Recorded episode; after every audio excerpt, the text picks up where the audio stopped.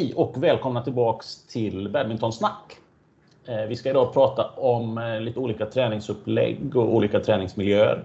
Hur tränar man i andra länder? Vad kan vi i Sverige lära från de absolut bästa länderna i världen? Och för, oss, för att hjälpa oss med det här så har vi en gäst som eh, jag tror har gjort mer för badmintonsporten både i Sverige och utomlands än de allra flesta. Välkommen hit PH Krona.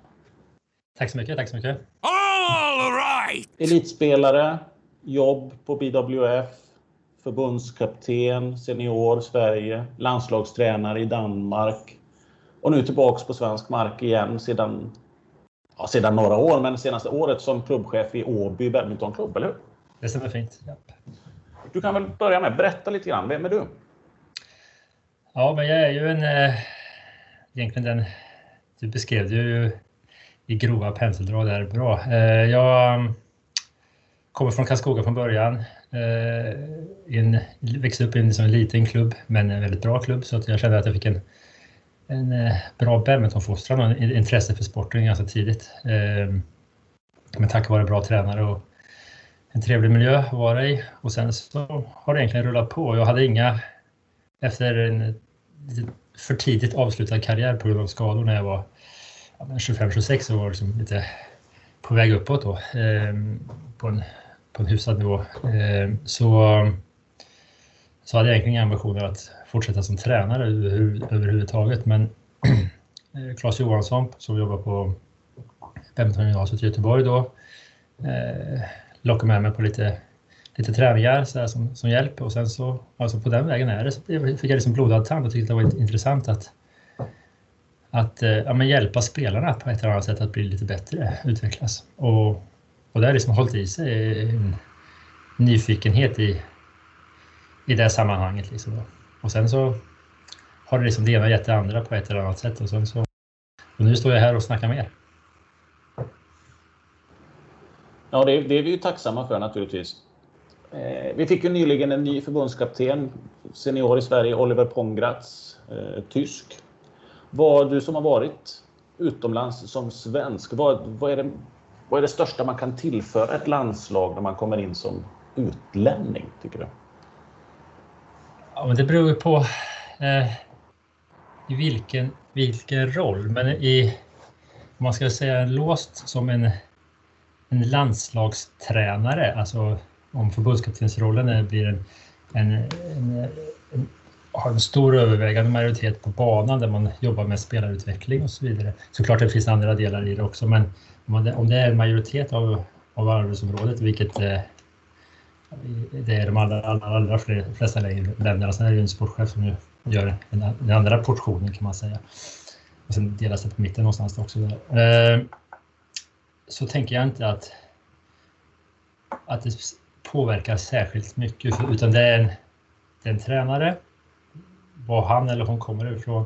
Och sen är det, spelar det inte så stor roll kontra att ut, utveckla de spelarna som, som, som finns på plats där och då.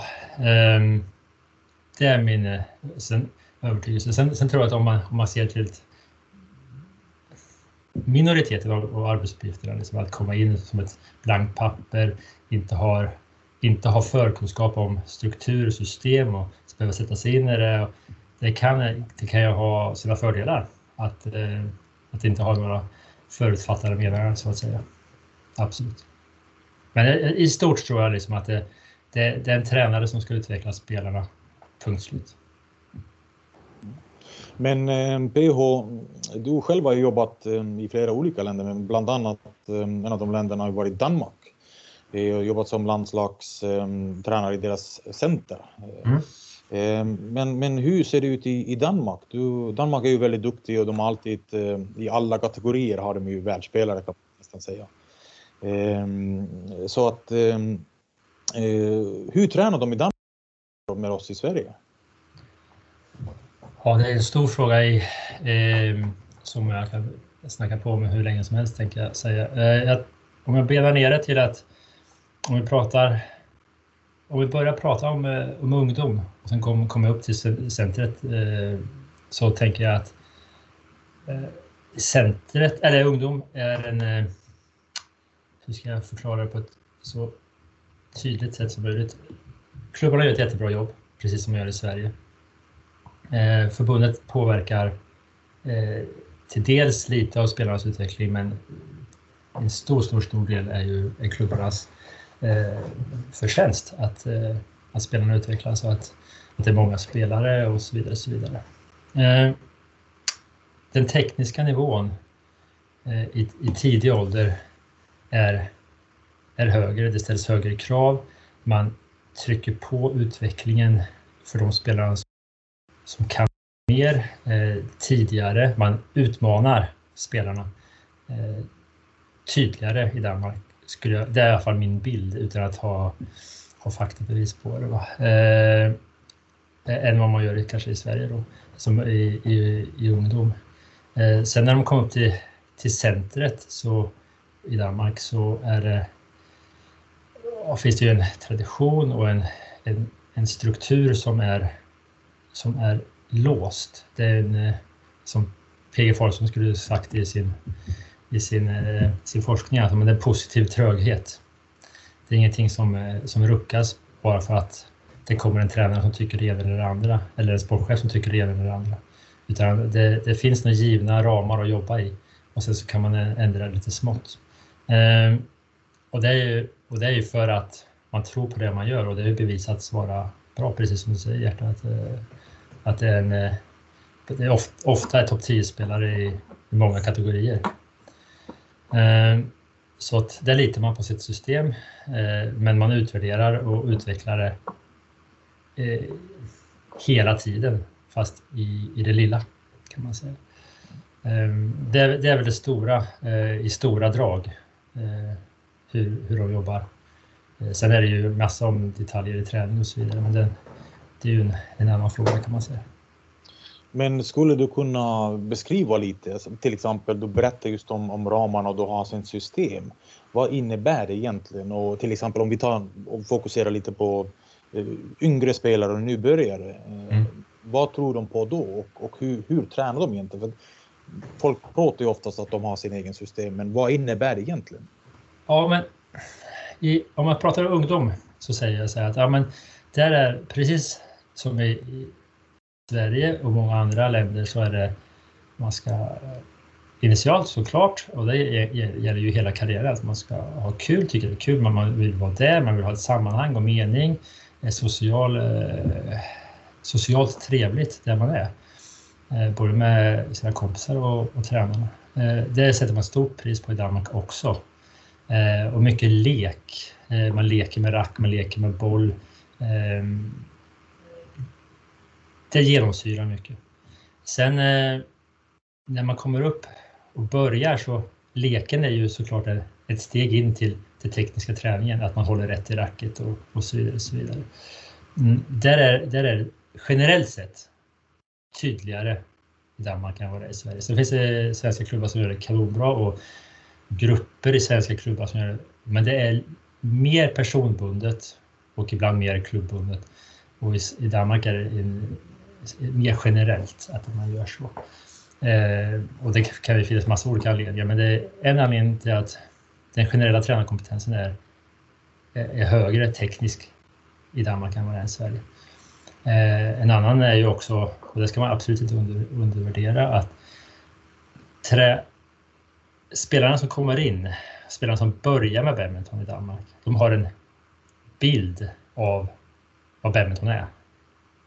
Återigen, jag generaliserar väldigt mycket, men en majoritet av spelarna vet vad badminton är, vet hur bra badminton spelas, eh, har sett eh, bra spelare både i badmintonligan, Danmark Open och, och Youtube och de danska spelarna som är ute på tour.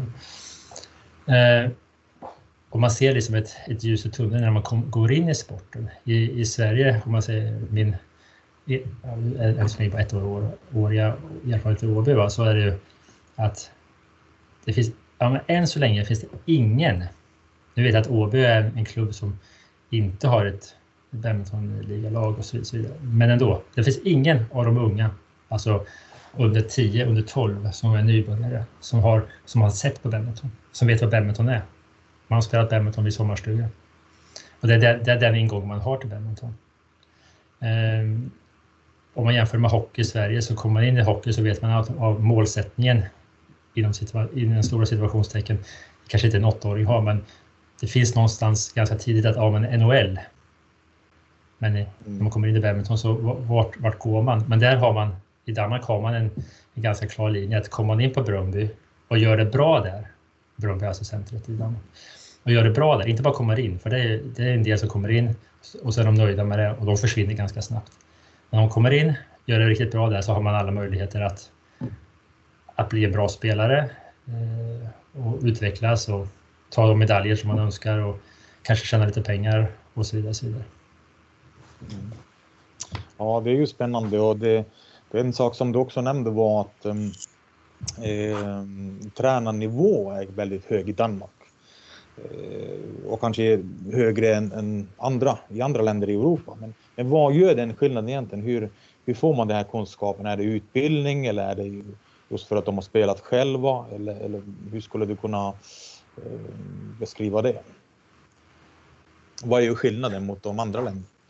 Ja, men den, det är en bra fråga. Jag tycker den är som allting annat. Det finns, det finns nästan inget svart eller vitt. Det är väldigt mycket grått i mitten. Eh, små detaljer som gör det. Eh, en sak är ju att ja, en del har varit spelare själva, men det, så är det i Sverige också på en, på en bra nivå. Ser jag på många av de nya tränarna som, är, som kommer upp i Sverige här nu som ligger kring, ja, men, kring 30 med Amanda och Henry och Borg och Wigart och Alltså det är ju många som har varit jätteduktiga spelare va, som, som fortsätter som tränare och det är ju superpositivt.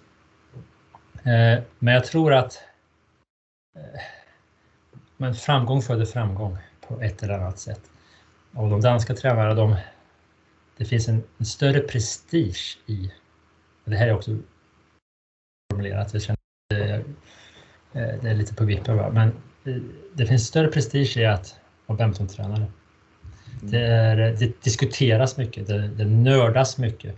Man eh, stöter och blöter teknik, spelare, struktur. Och sen säger jag inte att allting är, är mycket, mycket bättre. Det är många saker som kan säkert utvecklas i Danmark också. Men eh, det, diskuteras mer. Eh, man, och som jag sa i, i en föregående fråga där att man utmanar spelarna eh, tydligare och tidigare att kan man göra något, något, här i Sverige är det ju väldigt viktigt att man har en grund. Man ska, en, man ska hålla bollen igång. Man ska kunna slå en del slag från varje hörn. Alltså det är väldigt grunden och den grunden här som hänger med så högt upp. Och I Danmark så är det större fokus på att kunna göra, ett, göra några bra slag. Eh, maskeringar bra. Eh, hålla slagen bra få med några variationer och så vidare, göra några poäng. Eh, eh, den, den skillnad känner jag liksom hur, hur, man, hur, hur man strukturerar upp eh, träningen och hur man vill att en spelare ska spela. Mm. Ja, vad spännande. Ja, du, du sa någonting som var intressant i det här att lära sig göra poäng. Mm. Tycker, är det någonting du tycker saknas.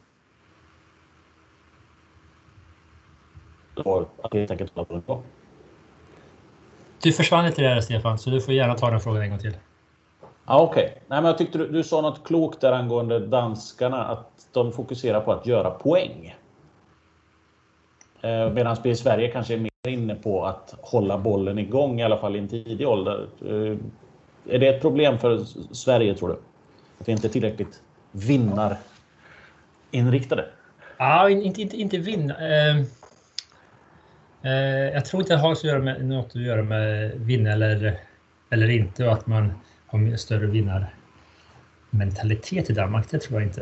Eh, däremot så tror jag att eh, vad, är, vad är intressant? Eh, hur håller man hur gör man alltså allt handlar om att, att göra sporten intressant för spelarna hela vägen upp genom hela karriären utmana dem. De ska ha ett ägandeskap. Och hur gör man det intressant? Att göra det intressant genom att hårdra det. Ja, men du får inte göra fel. Så håll bollen innanför linjerna. Du ska inte förlora den här duellen. Det är motståndaren som ska göra ett fel först. kontra säga att ja, så tänk på det här och sen kommer du upp i det här hörnet så får du med den raka sticken så får du med fram och så, så täppar du ner den. Och så vidare. Så att man sätter upp några, några intressanta saker att jobba med. Eh, och hur man gör poäng, det är ju en, det är jätteintressant. Eh, hur man värderar spelet och så vidare. Så får man med det ganska tidigt, ett val av slag och så vidare. Och där ligger ju, om man ska backa bandet redan, där ligger danskarna generellt sett jättelångt före, inte bara Sverige utan många, många, många andra länder i valavslag och alltså hur, hur, hur utbildade spelarna är eh, tidigt. Eh, där de kan snacka badminton. Eh, och det märker man på Brunby att det kommer in en som är, är 17 så har de generellt sett en hyfsat bra koll på vad, vad de kan och inte kan.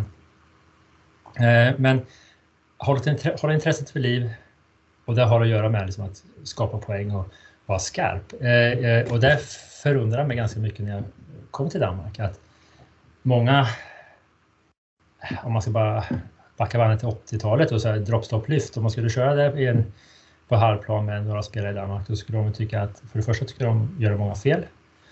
Eh, för att de ville slå bra slag, skarpa slag och då finns det också ett högre felprocent såklart. Och så skulle de tycka att det är liksom lite märkligt såklart. Ehm, eh, medans eh, Medan samma spelare som skulle ha svårt med en sån övning och bara liksom hålla den i liv och bara, bara slå över bollen över nät kan göra, göra tio egna poäng mot en topp 10-spelare från Asien. Eh, och det, det, är ju intressant för mig. Liksom. Och de här spelarna som har en kant, det säger jag ofta, det är de som känner mig, alltså de, som, de som har någonting som, är, som kan skada motståndarna, det är oftast de som eh, som kommer längst till sist.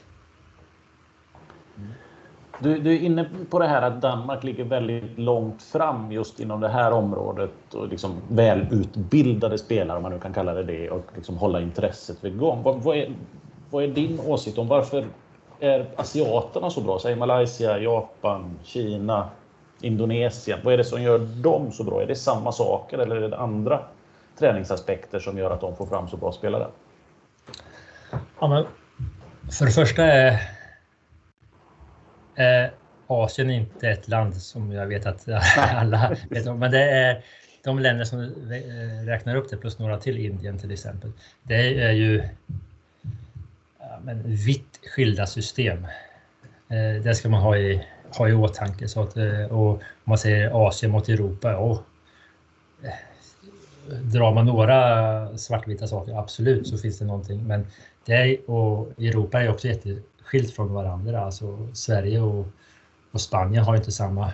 Eh, och sen finns det individer som, som gör, gör på ett helt annat sätt och så vidare. Eh, Marin som har varit hyfsat framgångsrik sista åren här. Eh, men Asien så eh, tränar mer vid tidig ålder. Har, har om man drar ett streck över eh, alla länder, generellt fler spelare inne. Sen har inte alla det. Alltså, Korea har inte jättemånga spelare att, uh, som de kan välja från. Där går, går det ner snabbare, alltså från topp top 10 i Korea ner till, alltså, ser man på topp ja, nummer 30 så är glappet större än vad det är i kanske Kina och, och Indonesien och och så vidare. Va? Eh, Malaysia för den delen också. Eh, så de har, generellt sett har de en större pool, de tränar mer, de eh, tränar alltid tekniskt korrekt när de är unga. Ja, sätter jag ett frågetecken för. Det, det är från region till eh, provins till, till klubb till tränare. Så att det är svårt att säga liksom att det, men i och med att det är så många så kommer man också få fram fler med, med bra teknisk eh, kvalitet. Eh, sen när de kommer upp på ett, ett center, ja, eh, vissa länder tränar fortfarande eh, klart mer i perioder än vad europe, snittet av en bra, duktig europeisk spelare gör. Eh, det gör de. Eh, men den trenden sista ganska många åren har ju, har ju som gått ner. Alltså tidigare så var ju livslängd för en riktigt bra toppspelare från Asien lite kortare. Och nu så håller, låt säga, Lindan och många av de här toppspelarna, de håller ju på mycket, mycket längre. Eh, eh, för att de har ett bra su supportsystem runt omkring och de kan göra träning och allt som, som, som, som, som man ska göra kan man säga. Eh, precis som man, som man gör i Danmark och, och de toppspelarna som finns i Europa gör. Tyskland, Marin och så vidare. Och så vidare. Eh, fast man ska ju, men som alla vet, jag säger en klyscha, men elitidrott är ju att ligga på gränsen. Alltså det, skador ingår, men det, hur många och hur mycket och hur man gör, vad man gör åt dem och så vidare. Tyvärr. Men BH, du har berättat att i Danmark så man pratar ganska mycket, man, man ger liksom uppgifter till unga spelare i, i, i tidig ålder. Och, och, i Asien har jag hört i alla fall och, och de erfarenheter som jag har är att man kanske inte pratar lika mycket. Eh, till exempel när jag tränade i Malaysia, då visar man väldigt mycket till ungdomarna. Man visar en övning och that's it. Man säger mm. inte så mycket. Eh, men de får ändå fram väldigt eh, duktiga, te te tekniskt duktiga spelare. Eh, och det är liksom helt motsats mot till exempel Europa eller Danmark. Hur tror du att de, alltså det funkar för dem? Borde vi tänka mer likadant i Europa till exempel? Mm. Att vi mest visar och, och själva titta och genom tittandet lära sig eller, eller vad tycker du om det? Mm. Det är en bra fråga för att jag, jag tänker att jag också en ganska komplex fråga för att och egentligen skulle jag vilja ha mer alltså statistik eh, bakom de svar som kommer nu här. Eh, eller de funderingar som man kommer med. Eh, Asien, absolut, man visar eh, hur en övning ska gå till. Eh, Säger inte så mycket under övningen, kanske inte säger så mycket efter övningen heller och sen så går man vidare och så lite längre intervaller och generellt sett och så vidare. Eh, det här är förutsatt att spelarna som kommer in har en hyfsat teknisk bas och poolen är ganska stor. Och de spelarna som inte har den tekniska basen, de försvinner eh, liksom, ut ur systemet successivt. Eh, så som jag ser det. Sen är återigen att det här som jag pratade om lite tidigare med, med Danmark, att man, man, um, man, man har bra spelare omkring sig, man har en bra miljö och det är det här man gör. Det är en jättestor skillnad mot mot vad det är i en, en liten svensk klubb som man, man kan inte, om man ska raljera lite man, man kan inte se bra teknik någonstans kanske i en, i en ungdomsgrupp eller i en liten fortsättningsgrupp. Och då har man liksom ingen referensbild. Det återkommer jag till många gånger, så att eh, det här är referensbild, att man ser, att man förstår vad, vad är man håller på med, vart, vart, vart vill man nå? Och där behöver man kanske inte ty, så tydligt, nu kommer jag lite på ett sidospår, men jag vill bara ändå säga det att det, det behöver man inte vara så tydlig med att förmedla och tala om. Jag har en dotter som är, som är sju och hon, hennes referens det är eh, och Blickfält, eh, ja, med Viktor och, och, Anders.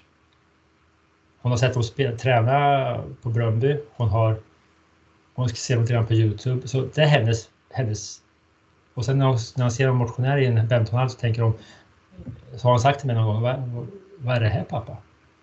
Alltså det, det ser inte alls ut som, som när, när Line spelar. Mm. Han får bra referenser då. Nej, men så att hon har någonting utan att jag direkt har tryckt på det. Hon har bara sett att ja, men så här ser det ut. Um, så, så, får man ta det som det är. Va? Eh,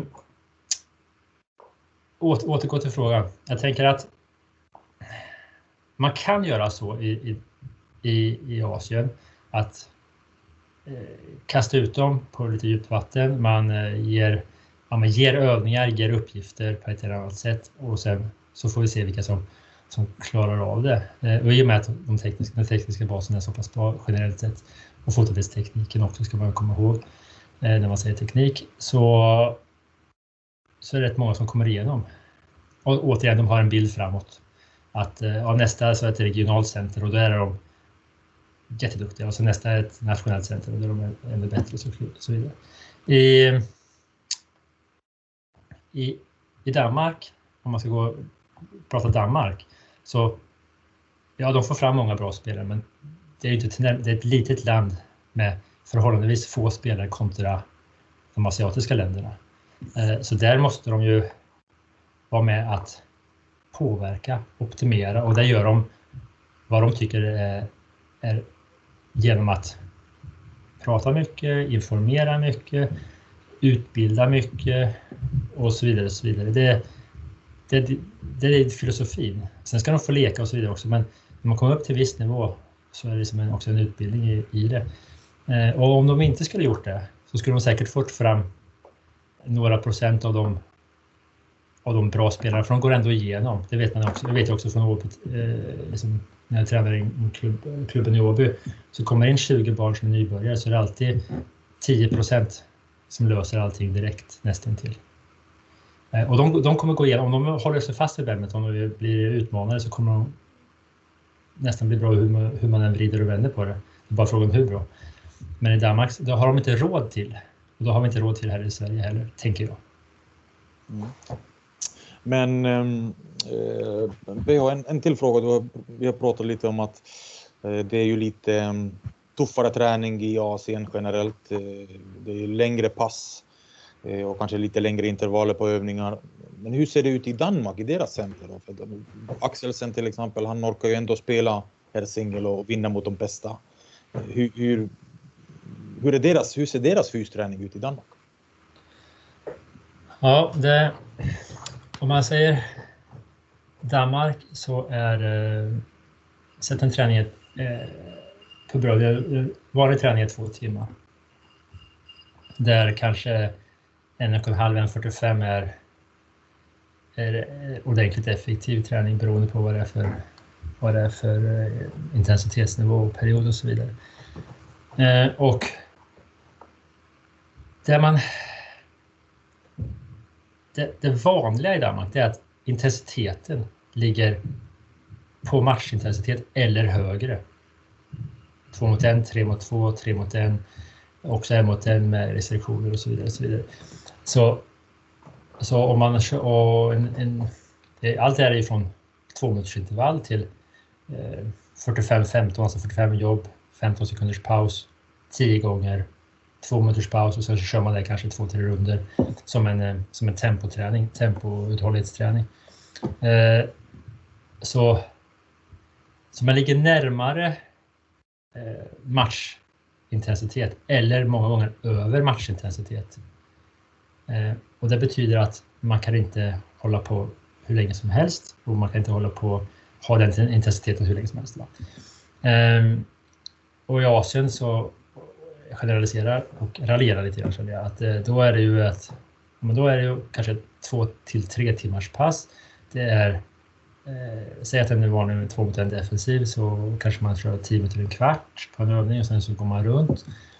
Eh, och intensiteten är, är lägre i snitt. Sen är det vissa dueller och vissa moment, så absolut, men i snitt så är det ju lägre. Och om man kör till exempel en 60, 60 sekunders intervall i, i Danmark så är det ju, har ju matarna en eller två bollar var Eh, direkt när en, en duell dör så är det upp igen. Men alltså, så det, finns, det finns ingen vila kan man säga i de 60 sekunderna.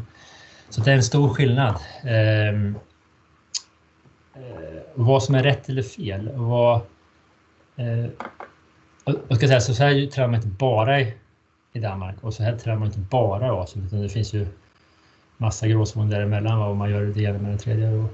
Men det är intressant vad som är eh, det mest effektiva. Eh, för att Asien gör ju klumpar ihop hela alla länderna där, men Asien gör, gör, gör det otroligt bra. Men om inte Danmark hade gjort, gjort det så här så undrar jag om de hade gjort det, varit med och konkurrerat. Så kan man väl säga. Mm. om man byter spår lite grann. Om du tittar på de här länderna som och då tänker jag främst länder i Asien då, men även Danmark, Tyskland, Spanien som har fått fram duktiga spelare på sina. Hur stor del av framgången tror du beror på resurser, kanske framförallt då ekonomiska resurser? Ja, men det är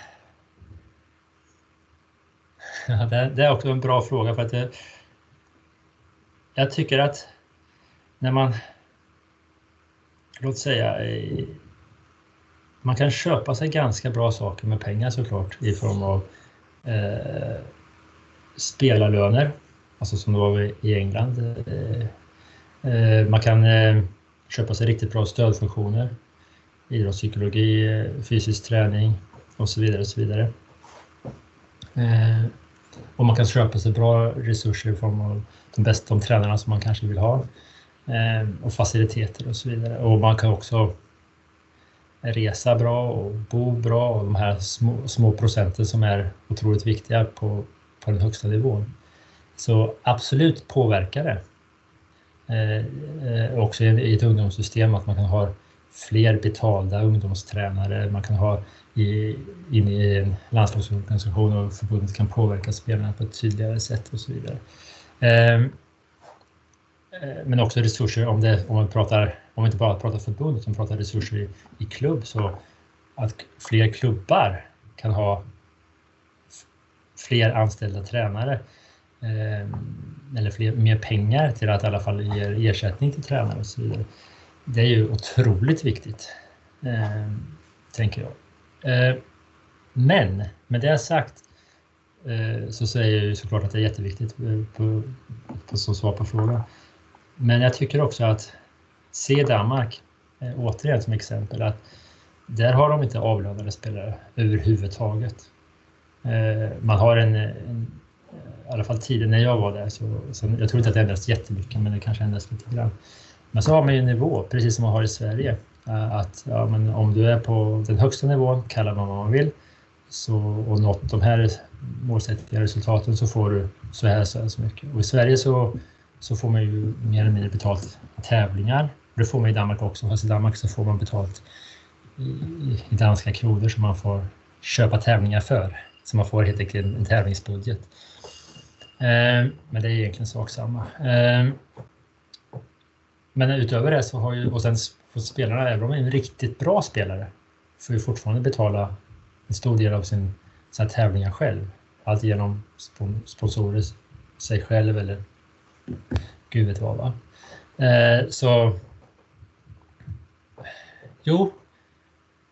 Men jag känner att det finns många saker som är så värdefulla med bra träning, bra kultur och en bra träningsmiljö som, som många gånger också trumfar eh, ekonomin faktiskt. Även om du skulle, om, om, Danmark skulle, om du skulle fråga Danmark skulle säga att ja, men vi vill ta gärna emot 10 miljoner extra till att lägga på, på vår verksamhet. Såklart. Ja, det, det, är klart det är så. Eh, det finns ju en hel del svenska spelare och säkert från andra länder också som gärna söker sig till de större länderna i Asien eller de mer framgångsrika länderna i Asien för att träna i tron att nu ska jag bli superbra. Vad, vad är din syn på det? Har du några tips och råd till en svensk spelare som kanske vill åka till Malaysia eller Indonesien och träna? Mm. Ja. Jag var ju där mycket själv när jag var yngre och en bit upp i åldern också. allt från några veckor till eh, månader.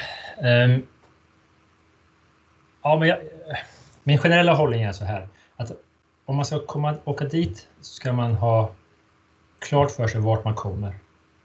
Man ska ha koll på vad man vill träna på, vad, hur man vill träna, hur, hur setupet är med eh, mat, logi, antal träningar, tränare, sparring så att man har koll på det. Det är liksom nummer ett. Eh, och vad man vill ha ut av det här.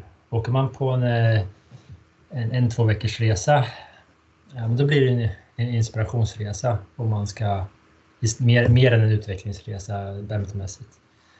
Eh, åker man längre tid, av så kan man ju få ut mer träningsmässigt. Men det är en annan sorts träning. Man ligger inte, det blir, man bryter av och det är inte alltid på det bästa sättet. Eh, maten är annorlunda. Eh, det är varmt. Eh, många som varit där tappar ganska mycket liksom kraft, energi. Man kanske inte får med den fysiska träningen, styrketräningen som man normalt, normalt sett skulle haft under en, en sommarperiod eh, eller icke-tävlingsperiod så mycket. Va? Eh, så det är många som har kommit tillbaka som, har, som inte har utvecklats så mycket som man kanske önskar, i alla fall på kort sikt. Sen är det svårt att bedöma. Liksom, ja, för ett år sedan var jag där och det har gett mig jättemycket.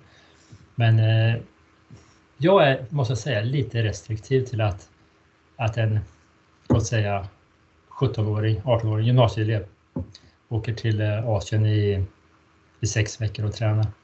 Om man inte har en, en riktigt bra plan eh, och har koll på och tränaren om man har kommunicerat och vad man vill. Och, så, att, så det blir en bra träningsmiljö helt enkelt. Gert, du, du har ju tränat eh, en, en längre period i Malaysia. Då håller du med om vad, vad P.O. säger här?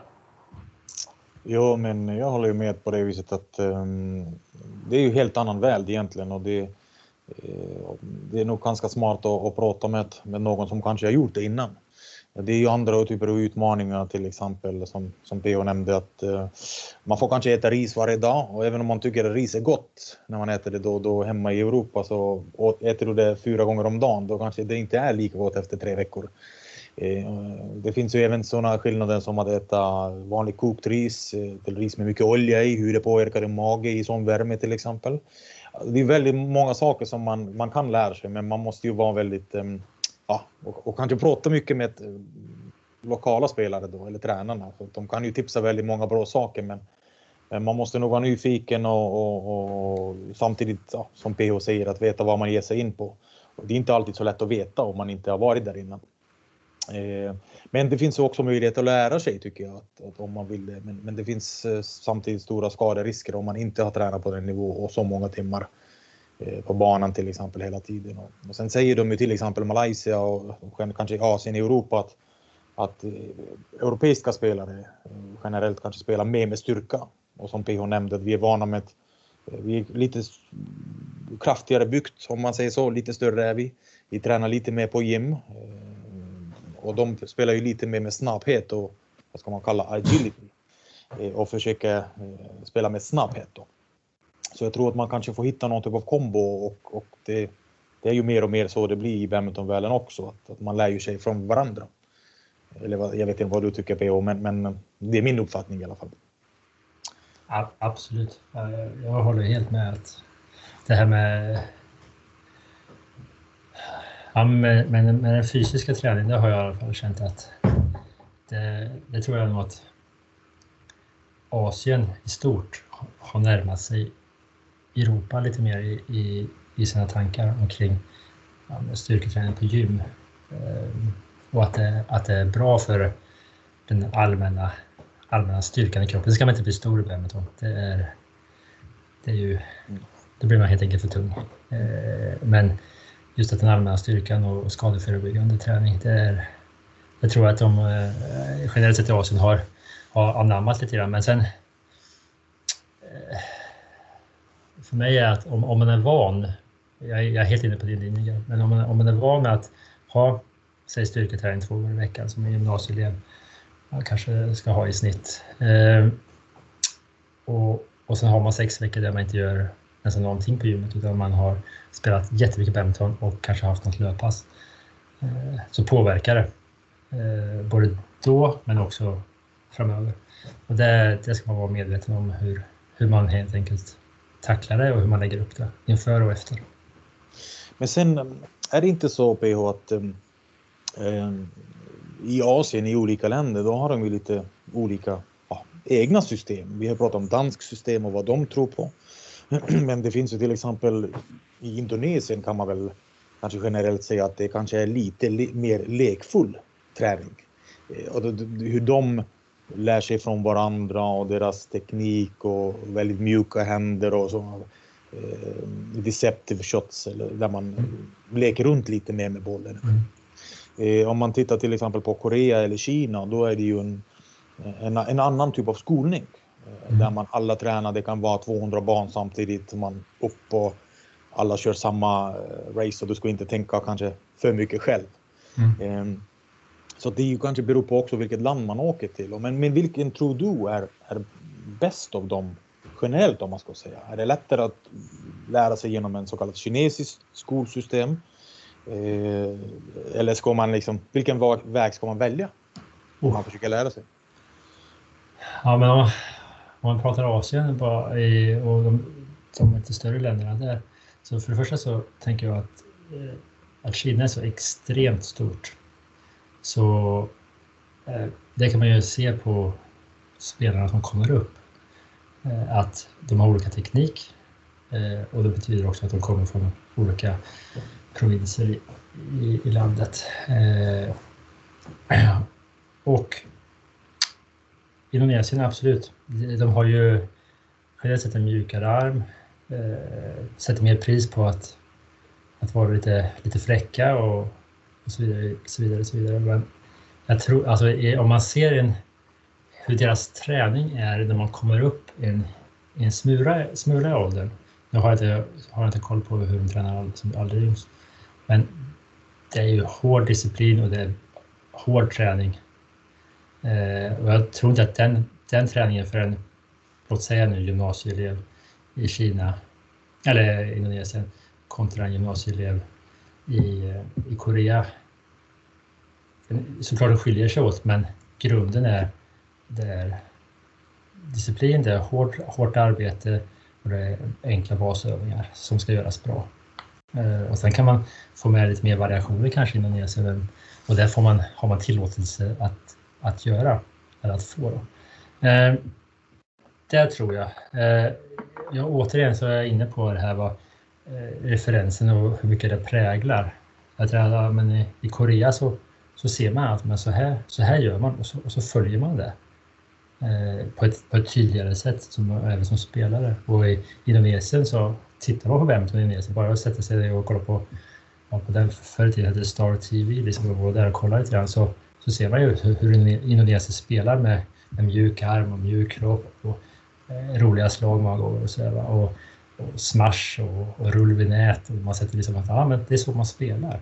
Så det, det tror jag präglar mer än att, att ett förbund eller att en, en provins eller att en klubb har sagt att ja, men, så här ska vi träna. Jag tror att det finns en, en övergripande bild av att så här spelar vi och sen så och all, allt eftersom vi kommer lite högre upp så smälter det ihop till en, till en bra träning kan man säga. Eh, det, är, i alla fall min bild av det. Men eh, en till följdfråga bara. Jag tänker att vi pratar, vad skulle man kunna som en eh, europeisk spelare, eller vad borde vi ta med oss om det är någonting vi ska lära oss från asiater? Mm. Vad tycker du? Vad, vad är det liksom vi skulle generellt borde ta med oss för att utveckla oss alla som spelare i Europa? Att... Oh. Jag, jag, är ju, jag är ju för att eh, träna mycket. Eh, så jag är till och från en, en lite som tränare, har en jag är lite mellan asiatisk stil och europeisk stil, känner jag till och från. Och jag tycker till exempel, som är bara ett konkret exempel, om jag har 45 minuter tempointervaller eh, en mot en, superjobbigt, hög intensitet och så vidare. Och, så vidare. och därefter kan man göra andra saker som inte är med hög intensitet kanske. Eller, och, och de står och filar på det ganska lång tid. Ehm, så där tror jag att vi kan lära oss att göra schemalägga det lilla extra. Eh, så att det inte är att åh, den här spelaren, han, han eller hon vill det väldigt mycket för hon, hon står kvar en kvart extra och, och köra lite korta servar själv. Utan att vissa av de sakerna, det ska finnas, det ska finnas plats för spelarna, för spelarna att, att ta egna initiativ och äga sin, sin utveckling. Absolut, det är jätteviktigt.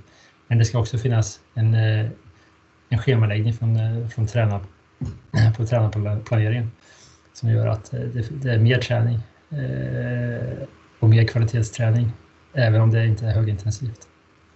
Tänker jag. Och det kan vi lära oss från oss. Vad tycker du P.O. Finns det, liksom, vad är nyttan av att ha en demontränare? Jag tänker, Gert, du har ju tränat ihop med Mainaki till exempel i, i Malaysia och så vidare. Finns det några demontränare som kan vända på vilket landslag som helst?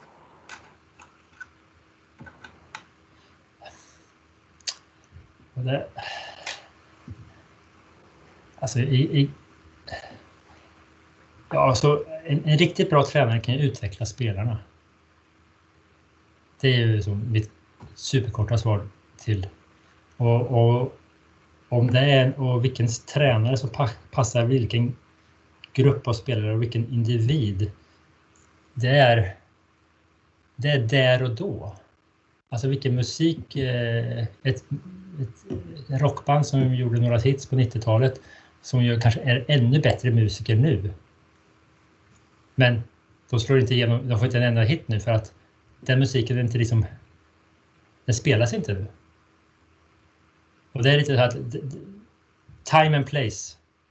Eh, men såklart måste det vara en, en tränare som kommer in med alltså engagemang, kunskap, prestigelöshet. Eh, och prestigelöshet säger jag som en, en jätteviktig del av den träningskultur som, som jag gärna jobbar i. Och som, men sen finns det ju andra kulturer som har en mer hierarkisk eh, modell. Ehm, som också funkar med att utveckla spelarna men det är på, ett eh, eh, annat sätt. Ehm, såklart att det hjälper för en toppspelare att ha en tränare som, som, som de litar på. Som, som de vet att ja, men han eller hon har gjort det här tidigare, har utvecklat de här spelarna och kanske varit som Mainaki som exempel som har varit på en extrem hög nivå själv. Eh, det kan också underlätta för, för de spelarna men för en, för en tioåring i en, i en svensk klubb som inte har en susning om om Mainaki skulle komma in där, vem, vad är det för snubbe såklart, så kan ju en annan tränare vara den bästa tränaren för den spelaren såklart. Eh, så jag, jag, jag har eh, time and place, men absolut en bra tränare kan komma in och utveckla spelarna. Och det är liksom helt enkelt kvittot på om det, om det är bra eller inte kan man säga. Cyniskt sagt. Om man tittar på spelarsidan då, nu har vi ju i alla fall på elitsidan, på, på, herr, på herrsidan så har vi ju två av de bästa i världen just nu. Axelsen och Kento Momota är ju två väldigt, väldigt olika spelare, inte minst, inte minst fysiskt. Eh, tror du, att det kom, tror du att vi kommer få se en badmintonvariant av Usain Bolt i framtiden? Du pratar, alltså, pratar du någon som är superstor atletisk eller pratar du om någon som är bara eh, exceptionell? Eh, någon som kommer in och dominerar totalt. Ja. Eh, alltså, ja, alltså det, det är en omöjlig fråga eh, tänker jag. Eh, men jag ska göra mitt bästa för att eh, jag tänker att konkurrensen i världstoppen generellt sett är ju otroligt hård. Det kommer upp i perioder en, en, en, spelare eller ett par som, som har en riktigt bra period. Eh, att ha, få spelare som ja, Lisha Way eller Lindan, det är ju generationsspelare som som kommer just kanske någon gång per generation, så råkar de två ligga parallellt med varandra under lång tid. Och det är, och det är precis som tennis med Nadal och Djokovic och, Ehm, eh, och Federer. Så tänker jag att såklart att det kan komma, men jag tror, jag tror mer på att det kommer vara en väldigt hård konkurrens, topp 10 i världen, precis som det är nu. Ehm, och sen är det bara eh, hatten av alltså, om det är de spelare som, som ligger uppe eh, topp 1, topp 2 i, i tio års tid. Eh, för det krävs otroligt mycket som i alla andra sporter att, att kunna göra det. Vad, vad tycker du? Sverige var ju som nation betydligt starkare för 20 år sedan, 30 år sedan, kanske 40 år sedan också. Vad, vad tycker du att vi borde göra i badminton-Sverige för att vara med och slåss där i topp 10 i, i alla kategorier? Ja, det är en, eh, ni, ni har de stora, stora frågorna. Jag, eh, så att eh, jag ska verkligen vara skarp. Det Eh, att, eh, just, just det du säger. Att, eh, och att det är den, eh, att, att det är första hållningen för många jag säger inte att det är det, men det var så, så frågan ställdes. Liksom, hur, hur ska vi komma att få topp 10-spelare? Hur ska vi vinna EM-medaljer? Hur ska vi vinna VM-medaljer? Hur ska vi... Uh, vi vill ha en... Uh, sätter man upp ett, ett OS om 8-12 år och, och, där där vill vi gärna ha medalj och så vidare. Och så vidare. Det, den, är eh, det är ett tankesätt som jag, inte, som jag inte gillar, som jag inte anammar själv. Jag försöker liksom se bort från det. Även om det är en del av, av sporten, att, alltså att sätta upp några mål som man ser liksom vart, vart pilarna pekar. Eh, men att, att, ha en, att ha en bra verksamhet. Och så ska man definiera bra verksamhet, vad, vad det är för något. Eh, klubbarna, förbundet, strukturen i den stora med eh, alltså vägen till landslagsaktigt med, med klubbar och klubbar kan man inte heller bunta ihop precis som att man kan bunta ihop asiatiska länder. Va? Så det finns det ja, men Uppsala, Täby, alltså stora starka klubbar som, som får fram många spelare. Eh, som exempel med, med, med, tränare och så vidare som är, som är anställda. Det är, det är en sorts klubb.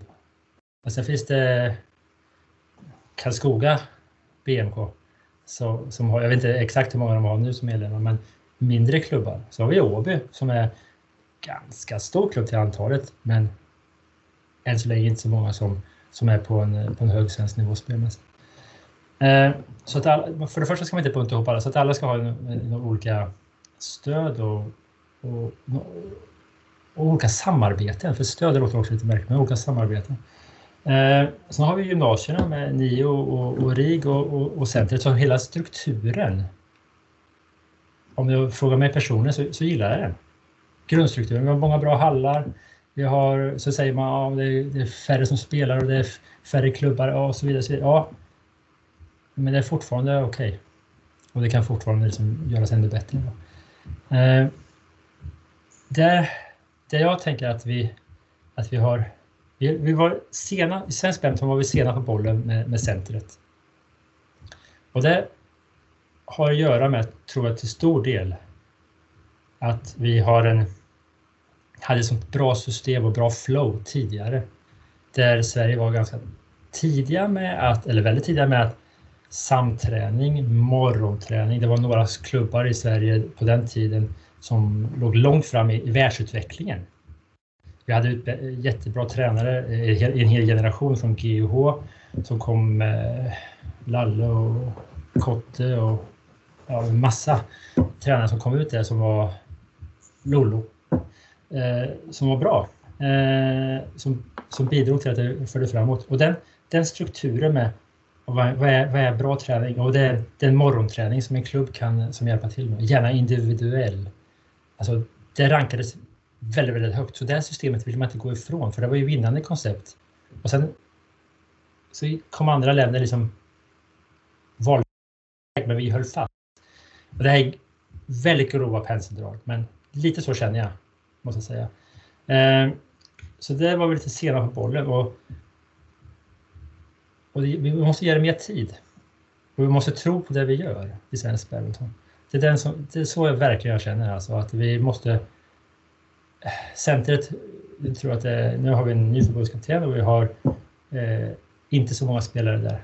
Bygga upp centret så vi får eh, no, många platser, många spelare som vill komma dit, göra det attraktivt. Eh, och sen samarbetet mellan klubb och förbund måste göras så det blir ett samarbete på ett tydligare sätt. Och olika sorters samarbeten och individuella samarbeten också mot spelarna. Eh, och sen kan vi prata om medaljer om om 5-10 år kanske. Eh, men att göra, ha en bra verksamhet som vi, som vi är trygga med, som vi inte ändrar efter ett år eller två år när vi känner att medaljerna inte kanske kommer klirra in. Det, jag säger som PG Falsum igen, positiv tröghet. Jag tror mycket på det där. Men ehm, vi har många bra tankar tycker jag. Eh, men, men en sista fråga till dig. Vad, ehm, tycker du, dina tre viktigaste tips? Om det finns en tjej eller kille som vill bli riktigt bra på badminton. Eh, vad har du för tips till dem? Eh, vad ska de tänka på när de tränar och, och satsar på badminton? Nummer ett. Eh, skaffa en eh, referensbild. Och det säger man såklart inte till en åttaåring. Eh, men att titta på Youtube. Eh, istället för allt annat skräp tänkte jag säga. Eh, men titta på badminton. Eh, gå och kolla på en badmintonligamatch eh, med klubben om man, om man har tillgång till det. Eh, åk, eh, åk iväg och kolla på eh, SIS. Åk iväg och kolla på Danmark Open. Ni vet att det är speciella tider här så att det finns en viss, många restriktioner och så vidare. Men andemeningen är i alla fall så att skaffa en referens så man vet vad man, kan, vad man jobbar. Skaffa en, en egen bild, titta på sig själv. Eh, se vad, vad, man kan, vad man inte kan. Vad, och äg situationen. Den är, det är jätteviktigt för mig. Nummer två, det är att, eh, att ställa krav eh, på sig själv och sin omgivning. Eh, att, och det betyder inte att man kan, att inte kan skratta och skoja i träning och ha ett socialt sammanhang i, i, i träningarna, men när det är en övning så är det koncentration. Eh, det är fokus på det som man ska jobba med. Eh, och man håller upp alla på det. Sig själv, sparringspelare och, eh, och tränaren. Sen hade jag en riktigt bra sak som nummer tre som jag funderade på igår. Eh, och det var, tyckte jag själv i alla fall, var, var bra. Det är att precis som du och Stefan pratade om, om vinna och vinnarmentalitet. Men den är så, nog, så skarp och så tung så man behöver inte tänka på det tänker jag, utan att den kommer med automatik nästan till. Utan att jobba med att utveckla spelet, utveckla sig själv. Ehm, och det betyder liksom inte att ah, men det är inte viktigt att vinna och, och så vidare. Så att det, återigen, den är så stark den drivkraften generellt sett så att den kommer slå igenom ändå och man kommer ändå få behöva tygla den ibland när ett rack åker iväg och sådär. Ehm, men att, att jobba med sin egen utveckling. Ehm, det tror jag är viktigt, vikt, vikt, väldigt, väldigt viktigt. Så referens, ställa krav och jobba med sin egen utveckling och inte tänka på att eh, jag måste vinna den här kvartsfinalen. För att direkt när man kommer in i de tankarna så har man tappat halva spelet. Liksom. Eh, och sen hur man formulerar det till en knatte eller till gymnasieelev, det är ju såklart olika, men det är i alla fall, i alla fall punkterna som jag tänker mig. Jättebra. Eh, den här intervjun börjar närma sig sitt slut. Jag får tacka dig. Leo Krona har varit otroligt intressant. Eh, lite annorlunda approach. Du har väldigt analytiskt sätt att se på, på badminton. Och det jag, det jag kommer ta med mig från den här pratstunden är väl framförallt att säga det här att man ska utmana sig själv, man ska hitta glädjen och drivet i spelet därifrån personlig utveckling snarare än att tänka jag ska bli världsmästare imorgon. Eh, oerhört nyttigt. Så stort tack till dig och stort tack till Gert